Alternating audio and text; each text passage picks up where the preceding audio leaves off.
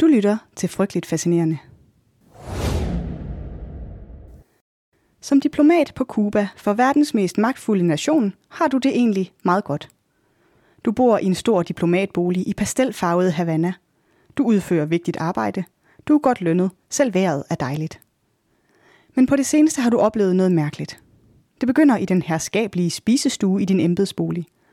Bedst som du står og vil slå skodderne fra vinduerne, får du en underlig ringen for ørerne. Og den bliver gradvist højere, mens det føles som om dit kranie trykker sammen om din hjerne. Du åbner vinduet og får lidt frisk luft, før du går gennem de høje dobbeltdøre ind til din dagligstue og sætter dig i sofaen. Det går heldigvis hurtigt over. Men det kommer også tilbage igen, og er det som om det altid kommer i spisestuen? Men det er næsten for fjollet. Det kan man ikke sige til nogen, at man får hovedpine og tinnitus af sin spisestue. Men da symptomerne tager til, og du ikke ved, hvad du skal stille op, så går du alligevel til lægen. Han har ikke nogen god forklaring. Og da anfaldene tager til, er du til sidst nødt til at sygemelde dig fra dit diplomatarbejde. Velkommen til det her afsnit af Frygteligt Fascinerende, kort fortalt, hvor vi dykker ned i Havana-syndromet. Frygteligt Fascinerende er en podcast om alt det frygtelige, som alligevel fascinerer os. Her i Kort Fortalt giver jeg en kort intro til noget frygteligt fascinerende fra nær eller fjern historie. Velkommen til.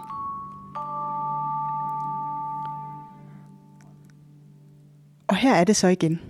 Det der ord. Syndrom. Jeg snakker om et andet syndrom i forrige afsnit af min podcast, og der fortæller jeg også, hvad et syndrom er for noget. Så det vil jeg spare dig for her. Men hvis du ikke har hørt det endnu, og gerne vil vide mere, så kan jeg anbefale sidste uges afsnit om Stockholm-syndromet.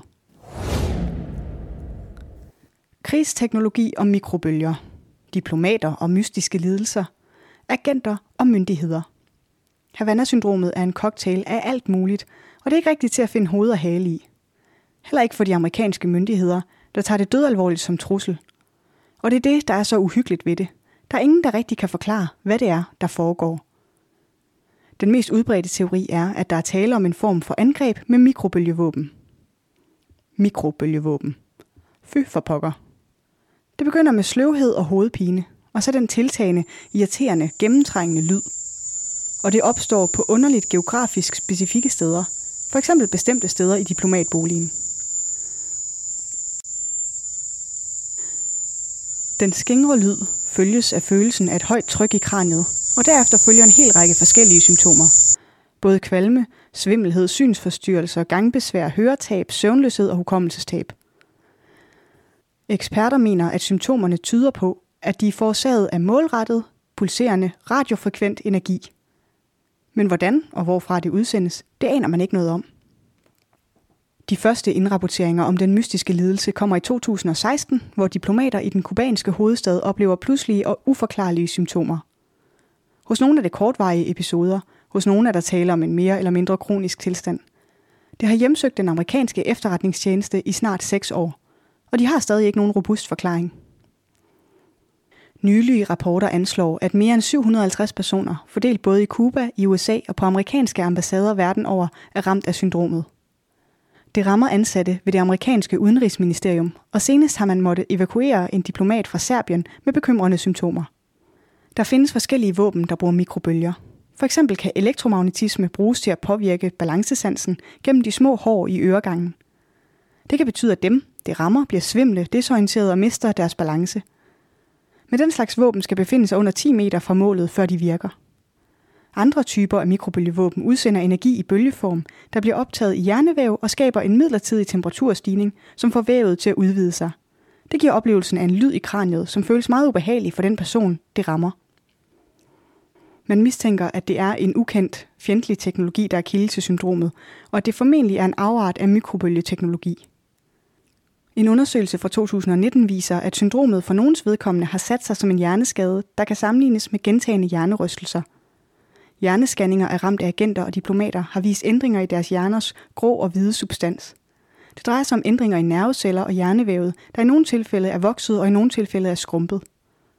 Mistanken peger på Rusland, som det er kendt arbejder med udviklingen af energivåben, genetiske våben og psykotroniske våben, som kan påvirke den menneskelige psyke – de indgik alle sammen i Ruslands statslige våbenprogram fra 2011 til 2020. I Rusland benægter man i midlertid at have noget som helst kendskab til de mystiske symptomer. Den russiske regeringstalsmand Dmitri Peskov udtaler til MSNBC den 13. januar, vi kan klart afvise enhver antydning, tanke eller udtalelse om angivelig indblanding fra russisk side i disse sager. Vi har ikke noget at gøre med det. Og så bliver vi så kloge.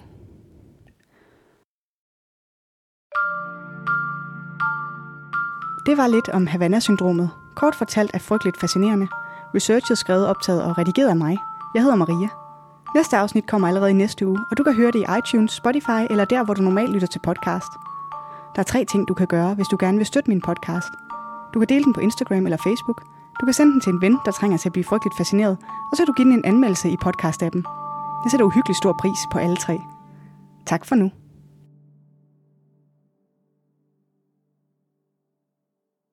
I researchen til afsnittet har jeg brugt oplysninger fra TV2, MSNBC, Videnskab.dk, New York Times, Gemma Network, Navy Search og Googles Patent Search.